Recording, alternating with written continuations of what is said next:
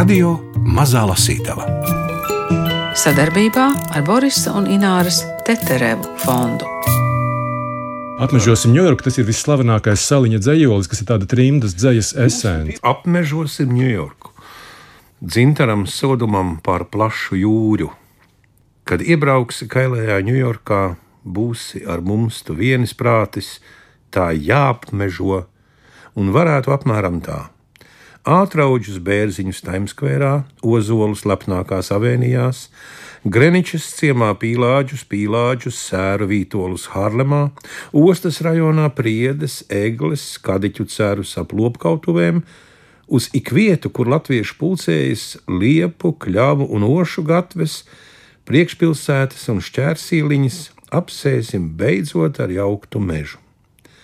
Mežam kuplojot, auto pazudīs pazemē zaļajā Ņujorkā, skanēs vairs tikai tāšu tauris, debesis skrāpjos apiņu kāps, latviešu bērnus un vecmāmiņas, televīzija nesies vairs, mūsu mežā tie vasaru ogos, rudeni tecēs beku laust, vīri ziemu ragavu ceļā laidīs malkā un bukus šaus.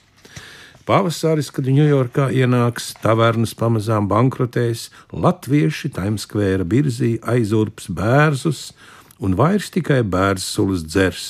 Burleskas Hārlemā nevilinās, Vītola pavēnīs sēros pat melnās, Greničas ciema valpurģu naktīs sargās mūsu pīlāģu burvju spēks, lai no rīta pa liepu gatvēm, kurpēm rokā ticīgi ietu, saulītes zīmē uz rakstnieku rītu. Jaunie pēcāki pa mežu klejos atstās latviskiem bērnu bērniem, koku mizās iegreptas sirdis.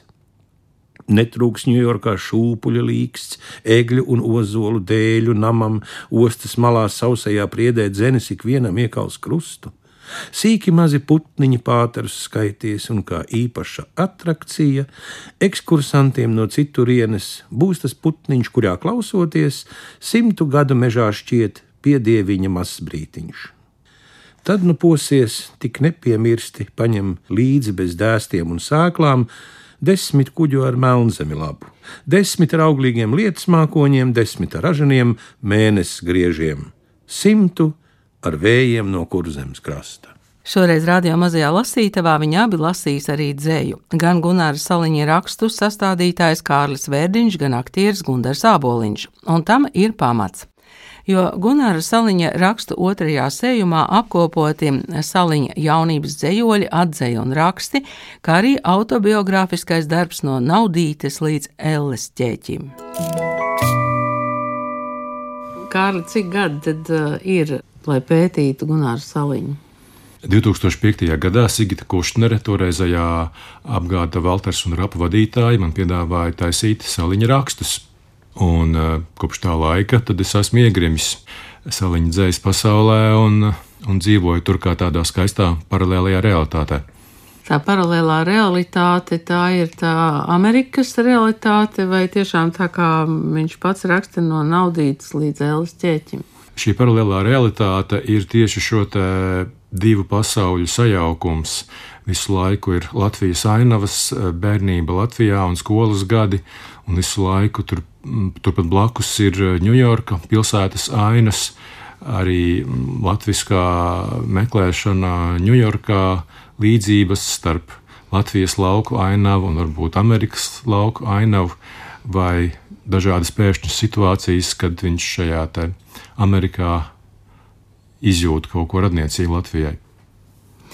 Šajā otrajā sējumā ir dzēja, ir raksti, ir arī autobiogrāfisks darbs un ir stāsti. Es pareizi, jā, tagad uzskaitīju. Vai es kaut ko aizmirsu?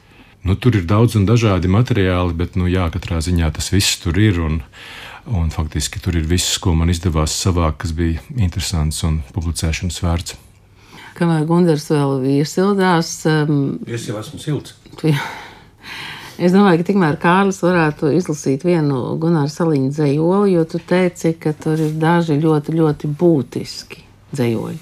Būtiskie dzējoļi jau laikam būs eh, pārsvarā tie, kas ir apkopoti viņa grāmatās, ko toreiz lasīja ar sajūsmu trimdas lasītāji un vēlāk arī viņa cienītāji Latvijā.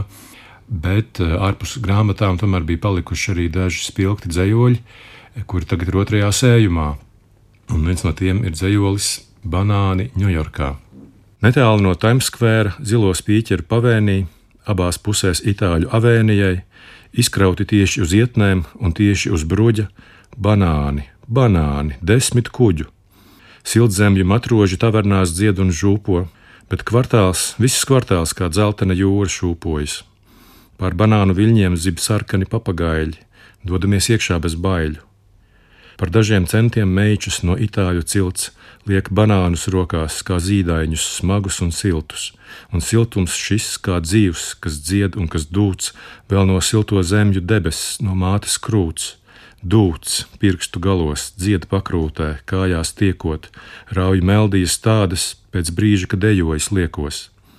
Līdzsvara pēc pie vēsām kāpnēm pieturos un ielāgoju, ar augļiem nedējo, bet ieturas, nolaužu vienu un sēstos, lai atlobītu, banāna dienvidus, ziemeļus, vakarus, rītus, un Ņujorkas vidū debesu vidus ataust. Velku to nāsīs, kā neticot lūpām pataustu. Tad tiešām tāds, kā sapņos rādījies, tāds, kā auglis ir debesu vidus. Es aplam rāts. Virs manis gaisā kā četrspārnu putni viz, sarkaniem papagaļiem pa vidu laizdamās mizas, skan kuģu sirēna, parādās matroži klūpot, kvartāls, viss kvartāls kā dzeltena jūra šūpojas. Ak, matroži, atgriezdamies uz banānu zemēm, šai zīdainā kūniņā mani līdzi sev ņemiet, zem saldo zemju debesis, zem mātes krūts, no savām miesām, kā taurenis uzlidošu, varbūt. Gunārs Saliņš, banāni Ņujorkā.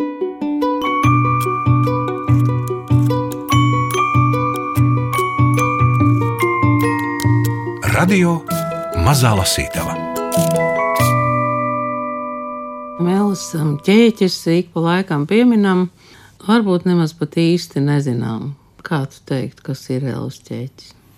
Elis ķēķis pirmkārt ir rajons Ņujorkā, par kuru stāsta mūzikls Vestsaidas stāsts, kas ir uzņemts šķiet tajos pašos gados, kad tur aktīvi darbojās latviešu literatūras, mākslas un kultūras neformālais grupējums, kas ieguva šādu nosaukumu pateicoties šai bīstamajai vietai. Un šī neformālā grupējuma centrā no literātiem bija Linnards Tauns un Gunārs Saliņš, tāpat arī Mudīta Austriņa, Jānis Krēsliņš, vēlāk arī Roberts Mūks, un Baiba Bičolē, un Rīta Gālē, un vēl daudzi citi. Un, nu jā, kopš tā laika tā ir tāda skaista leģenda par latviešu modernismu trimdas laikā, un tāda leģenda, kura it kā dzīvo tāda pusi zināma Latvijas lasītājiem un skatītājiem un mākslu mīļotājiem. Un tāpēc šogad, kad ir Gunāra Saliņa, Jāņa Kreisliņa, Mudītas Austriņas un Valdemāra Ravena simtgade, gluži tāpat kā surreālisma kustības simtgade, tad mēs eh, svinēsim svētkus, svinēsim viņu simtās jubilejas, izdosim jaunas grāmatas, rīkosim konferenci un kultūras programmu, un to visu atkal daudzināsim. Kāpēc latvieši tur pulcējās tieši šajā, kā jau teici, bīstamajā rajonā? Tas bija rajons, kurā bija lēti īres nami. Linnards Tauns galīgi nebija bagāts dzinieks. Jau pašā 50. gada sākumā, kad latvieši ieceļoja Ņujorkā, tad tur izdevās viņiem atrast lētus uh, namus, un turpat viens uh, šķiet latviešu rakstnieks bija tāds tā kā namu pārraugs, un līdz ar to viņa dēļ tur nokļuva varbūt vēl vairāk latviešu cilvēku. Pamazām jau latvieši arī izklīda dažādās vietās, jo, protams, patīkamāk bija dzīvot glaznainās zaļās priekšpilsētās, tā kā to darīja Saliņu ģimene vai kādās citās vietās. Faktiski tas ēles ķēķis ar laiku kļuva vairāk par tādu simbolu nosaukumu nekā reālo dzīves vietu. Ja mēs tagad aizbrauktu, mēs atrastu to vietu. Kas tur ir? Mēs varētu atrast tās adreses, bet mēs faktiski neredzētu pilnīgi neko no tās arhitektūras, no tās vides, no tiem krodziņiem, kas tur bija pirms šiem daudzajiem gadu desmitiem, jo Ņujorkā jau ir vienkārši, ja kaut kas vairs nenes peļņu, nav gana labs un jauns, tad to noplēš nost un būvē kaut ko lielāku un komerciāli izdevīgāku. Un arī pacēlis ķēķis eh, kādu laiku atpakaļ tika pārsaukts par Clinton jo tas bija slikts mārketings, ja kāda vieta saucas Ēlas ķēķis, vai ne, kurš tur gribēs dzīvot par dārgu naudu. Bet man liekas, ka tagad tas Ēlas ķēķa nosaukums atkal vairāk tiek daudzināts. Vismaz, ja mēs skatāmies Google Map, tad tas Ēlas ķēķis tur joprojām ir savā vietā. No naudītes līdz ēles ķēķim - simbolisks ietvers Gunāra Saliņa radošajai biogrāfijai, latviskā un amerikāniskā puse. Dīvainais Ņujorkas rajons ar draudīgo nosaukumu ēles ķēķis, kurā tagad var atrast tikai adresi, ne to noskaņu, kad tur dzīvoja latviešu trimdinieki, mākslinieki un dzēnieki. Gunārs Saliņš arī raksta, kas tad īsti bija Elles ķēķis, bet Kārlis Vērniņš atklāja, ka šogad svinēsim svarīgas simtgades arī Gunāram Saliņam. Jā, kas tad bija Elles ķēķis? Uz Hudsonas pusi no Times Square šis rajons reiz bija slavens gangsteru kaujas lauks, angļuiski Hell's Kitchen. Kad ap 50 gadiem tur sāk lasīties kopā latviešu rakstu un mākslinieku ļaudis, no senās slavas bija atlicis vairs tikai nosaukums. Tam netrūka savas pievilcības, taču reklāmai būtu derējis labāk, ja rajons sauktos par eņģeļu vai debesu vai tam līdzīgu ķēķi, ja vispār tam vajadzēja būt ķēķim. Nezinātāji iztēlojās trakas uzdzīves vietas un nez ko. Īstenība bija drusku savādāka. Kaut netālu no Times Square, Ellis ķēķis bija pasaule par sevi ar veciem sešstāvu īres namiem, ar sīkiem lētiem veikaliņiem, ēdnīcām, tavernām, ar pestīšanas armijas, ar Jesus Saves iestādījumiem, ar jūrniekiem, ar saules brāļiem uz ielām, ar puertorikāņu un melno pusauģiem, ar Hudsonas ostas, ar zīvju un ūdeņu smaržu, ar dvesmām no augļu un dārzeņu grēdām, visgarām devītajā vēnijai, ar smakām un māvieniem no ostmalas lopkautubēm, Ar okeāna tvaikoņu, miglas sirēnām, ielu trokšņiem un dunoņai cauri no dokiem, ar Linkolna tuneļa satiksmes gūzmu, ar autobusiem pa viaduktu līču lokiem, no termināla jumtiem vai ceļā uz tiem, tāds iebraucot jautās Elles ķēķis, nošķirts, bet tuvu satiksmes maģistrālēm un tuvu it visam, kas Ņujorkā notika. Un mēs bijām jauni un kāri, un gājām un baudījām, Bet vai tas bija Džoisa Ulis naktspilsētā ar Zero Mostelī Greničs Vilidžā vai Putniņi turpat 50. ielās, Ondīne ar Audrey Hepburn Broadwayā vai Jerome Robinsa New York Export Opus Jazz, viduslaiku vai elektroniskās mūzikas koncerts, tūri pa Madisona avēnijas galerijām, cēliens publiskajā bibliotekā pie domu vai Daugavas sējumiem, dāma Edīte un Osborns Sitvels, ebreju imkā vai Roberts Frosts, jaunajā skolā beigās mēs allaž piestājām Elles ķēķī. Iecienītas vietas bija seglubārs, apaļais loks vai vecā koloniāla taverna, kuru pārkristījām par torņu kalnu pēc pazīstamās Rīgas priekšpilsētas. Tur vai jebkurā stundā varēja sastapt kādu latviešu literātu, gleznotāju, mūziķi, kādu rakstu un mākslu entuziastu. Lielākās latviešu sarīkojuma reizēs, kā dziesmu svētkos, tautieši tur bija pārsvarā. Citreiz sazvanījušies, devāmies taisnā ceļā uz gleznotāja Friedricha Milta pagraba darbnīcu, viņa kaķu valstību vai visbiežāk kāpām augšā pie Linārda Tauna, viņa piektā stāva dzīvoklītī. Kas šais īres namos iegriezies, tas zinās, ka tie nebija vispoētiskākie mājokļi, vismaz neparastā nozīmē zigzagu betona kāpnes ar drāzu, ar nobirām, no atkrituma lifta šahtas, ar vircotu ēdienu smakām, ar skaļām balsīm, spāņu, poļu, lauzītā angļu mēlē no dzīvoklīšiem. Dažs labs brīnījies, kā labi no visiem rajoniem Ņujorkā bija jāizvēlas taisni tas, ko lai saka.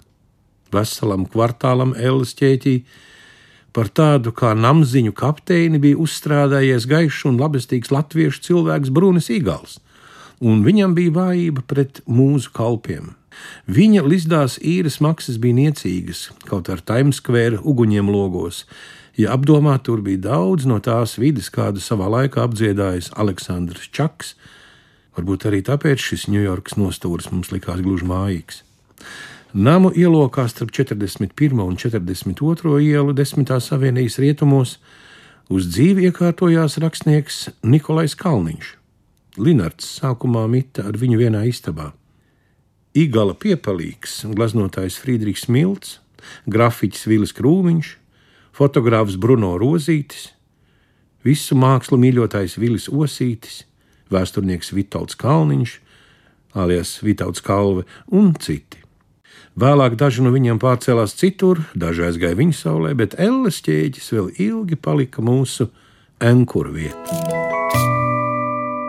Kārli, jūs jau tos uh, Elles ķēķā simtgadnieku svētkus esat sākuši svinēt? Mēs sākām svinēt Ēlas ķēķa simtgadnieku svētkus 18. janvārī, kad Rāņa un Aspazijas muzejā notika šī sējuma atklāšana, kurā dziedāja Laila Saliņa. Un e, pavisam nesen vēl Ņujorkā notika Ēlas ķēķa simtgadnieku pieminēšana, kad bija pasākums par godu Saliņam, Kreisliņam un Avenam. Un Latvijā galvenais ļembasts notiks maijā, kad būs zinātniska konference un pēc tam kultūras programma piebalgā veltīta saliņam un simtgadniekiem, un tad vēl lielāki un mazāki pasākumi un notikumi, cerams, būs vēl izkaisīti pa visu gadu.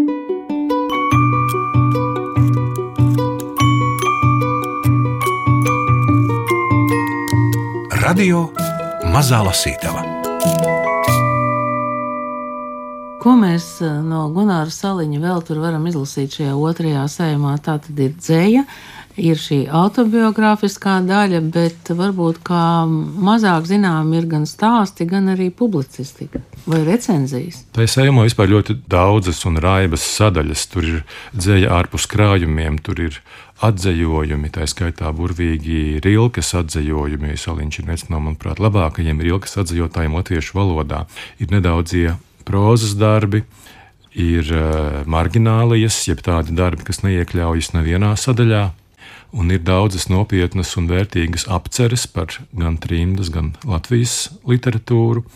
Ir piemēram arī raksti par asimilēšanos, ko Gunārs ir rakstījis jau 50. gada sākumā, kad viņa nodarbina tēmu, kas tad notiks ar latviešu kopienu, vai tagad visi mēs dažu gadu laikā asimilēsimies. Un tad viņš, kā toreizais socioloģijas students, viņš to ļoti nopietni apraksta, kā tas ir, ka dažādu tautību cilvēki asimilējas dažādi Amerikā. To visu šobrīd arī ir interesanti lasīt. Un, Tās jā, viņa prognozes atbilst tam, kas notiek mūsdienās. Nē, nu, nav jau noslēpums, ka tā galvenā aktīvā paudze ir tā pirmā paudze, kas aizbrauc trimdā jau ar valodu, ar zināšanām, ar izglītību no savas valsts. Otrā paudze tas ir kaut kas pavisam cits. Tie ir cilvēki, kuri ir dzimuši tajā citā zemē, gājuši tās citas zemes skolā un ir absolūti bilingvāli. Varbūt tā jaunā valoda ir priekšplānā izvirzījusies, un tā jau tas notika arī ar latviešu trījus sabiedrība, ka tā pirmā spēcīgā paudze, kuru mēs šobrīd svinām, tā arī bija tā, kas noteica šo toni. Un otrā paudze arī ir burvīga un fantastiska, un es pazīstu vairākus tās pārstāvjus, bet vienkārši tā jau ir daudz, daudz mazskaitlīgāka. Jā, tu jau pieminēji, meita ir, jā, Laila Saliņa. Jā, Saliņiem ir trīs bērni, Lāris, Laila un Lalita. Ceru, ka arī viņi visi trīs tad ieradīsies uz mūsu ļēmbastu un arī tam visam būs klāt. Rilke laiku mijās. Kad mēs runājam vācu mēlē un minam vārdu dzēnieks, mēs domājam Rilki. Tā 1938. gadā kādam Raineram Marijai Rilkem veltītā apceru krājuma ievadā rakstīja godīgais dižgaru portretu meistars un Rilkas laikabiedrs Stefans Cveigs. Kopš tā laika Vāciju, Austriju un Čehiju vērpetēs sagriezis Otrais pasaules karš.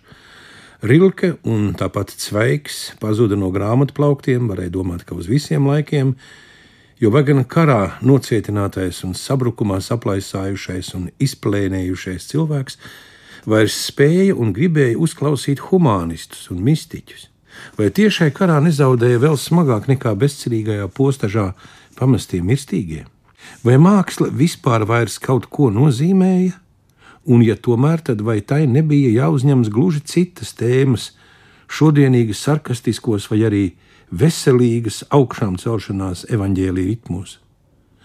Tādus piedāvāja no vienas puses Sartrs ar savu kankānisko eksistenciālismu, no otras puses tieši vāciešiem eksaltētie kristīgās renesanses pravieši Ernests Vīherts un Reinholds Schneiders un citi. Kā vieni tā otri arī savāca pa mācekļu draudzēji, taču atkal atplaukušajā vācu grāmatu tirgū par lielu pārsteigumu dzīvākais pieprasījums bija pēc Rilkes.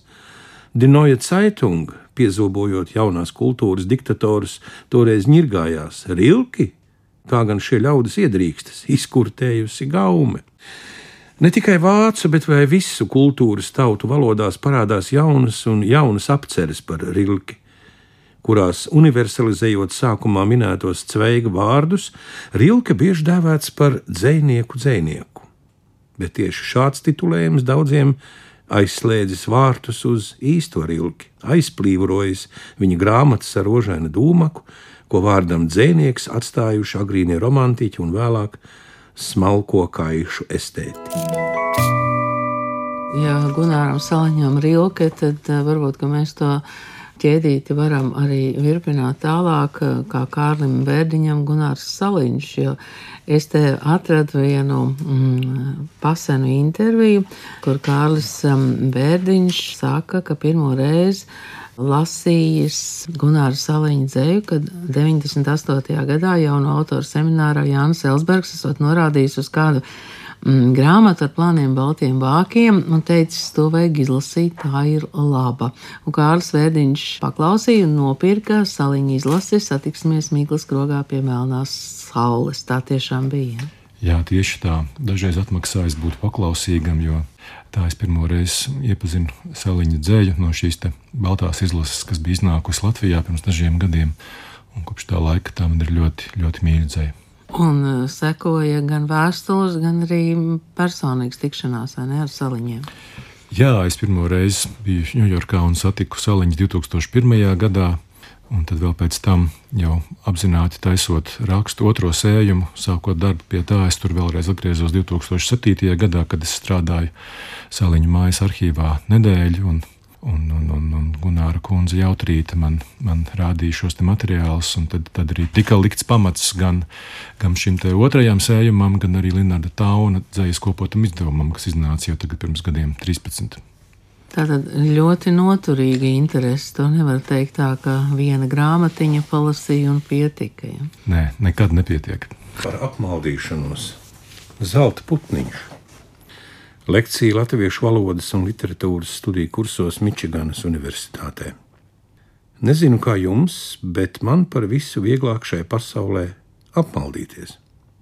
Vienalga pie kādām durvīm vai vārtiem, vienalga kādu ceļu vai ielu krustos, man allaž lielas izredzes pagriezties un doties taisni pretējā virzienā, nekā būtu vajadzējis.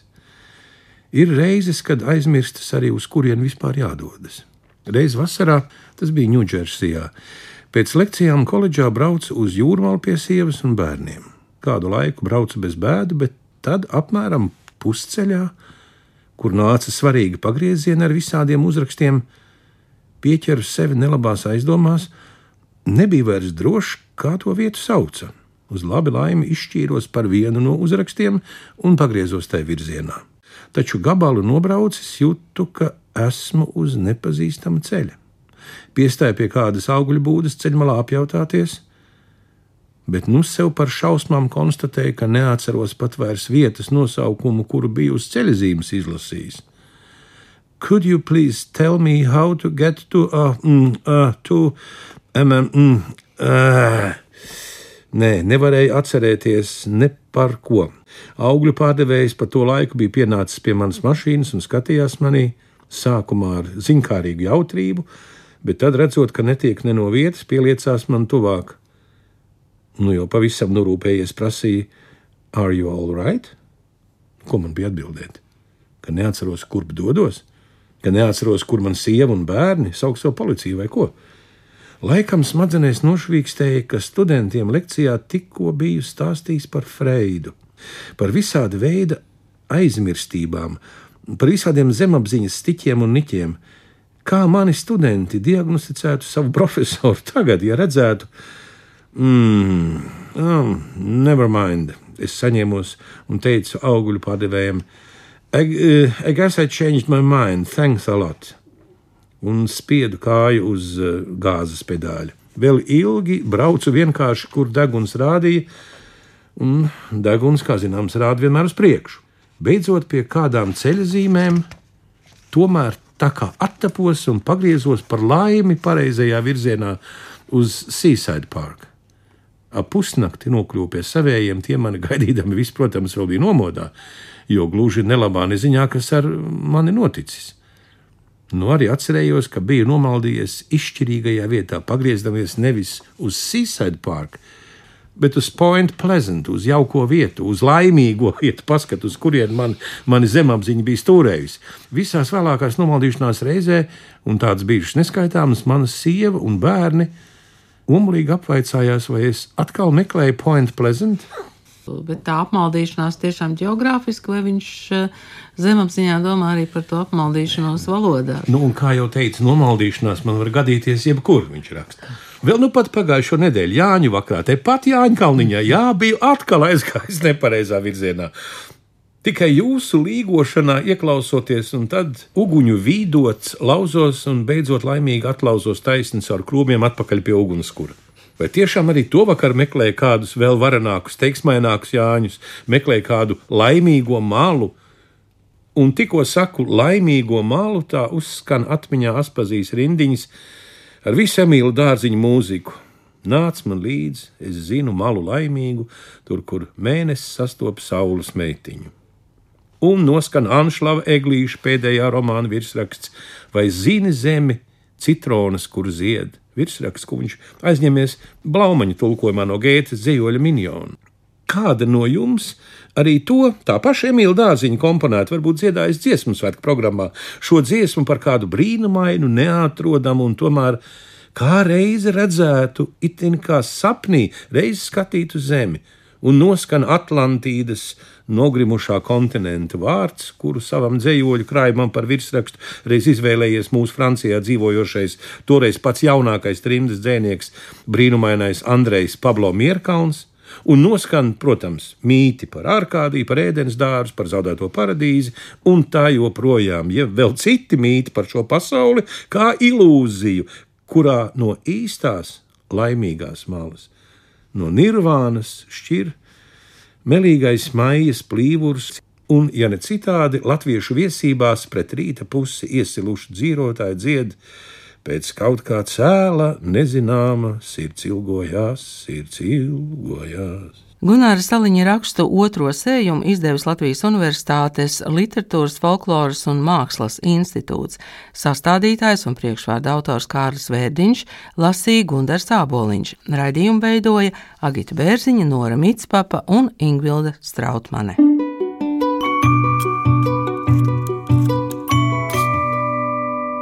Mēs zinām, ka tie latviešu trimdnieku likteņi ir bijuši ļoti dažādi. Tur ir bijuši dažādi pasmagi, maizes darbi. Kā gāja saliņiem? Jā, no Sentlūisā, kad es studēju, tad es arī vietējā latviešu kopienā satiku kundzes, kuras kā bērni ir nokļuvušas Amerikā, un faktiski visa ģimene, piemēram, uzreiz tiek nosūtīta uz kokvilnas plantācijām dienvidos. Un tikai ar laiku viņiem izdodas tikt uz uh, vairāk uz ziemeļiem, uz labāk apmaksātiem un mazāk fiziski smagiem darbiem. Tā kā jā, likteņi varēja būt ļoti dažādi.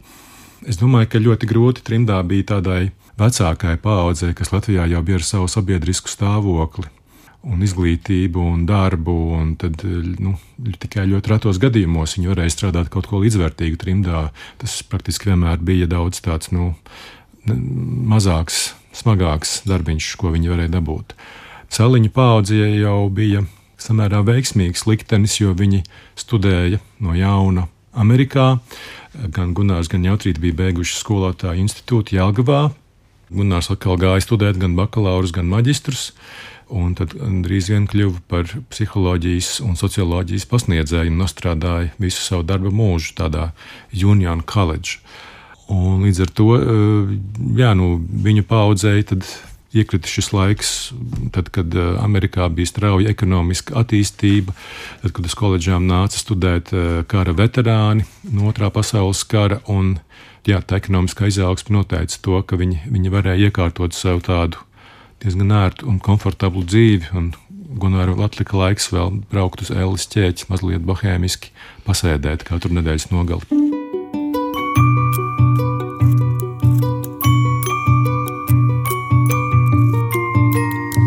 Radio Mazā Lasītava sadarbībā ar Borisa un Ināras Teterevu fondu.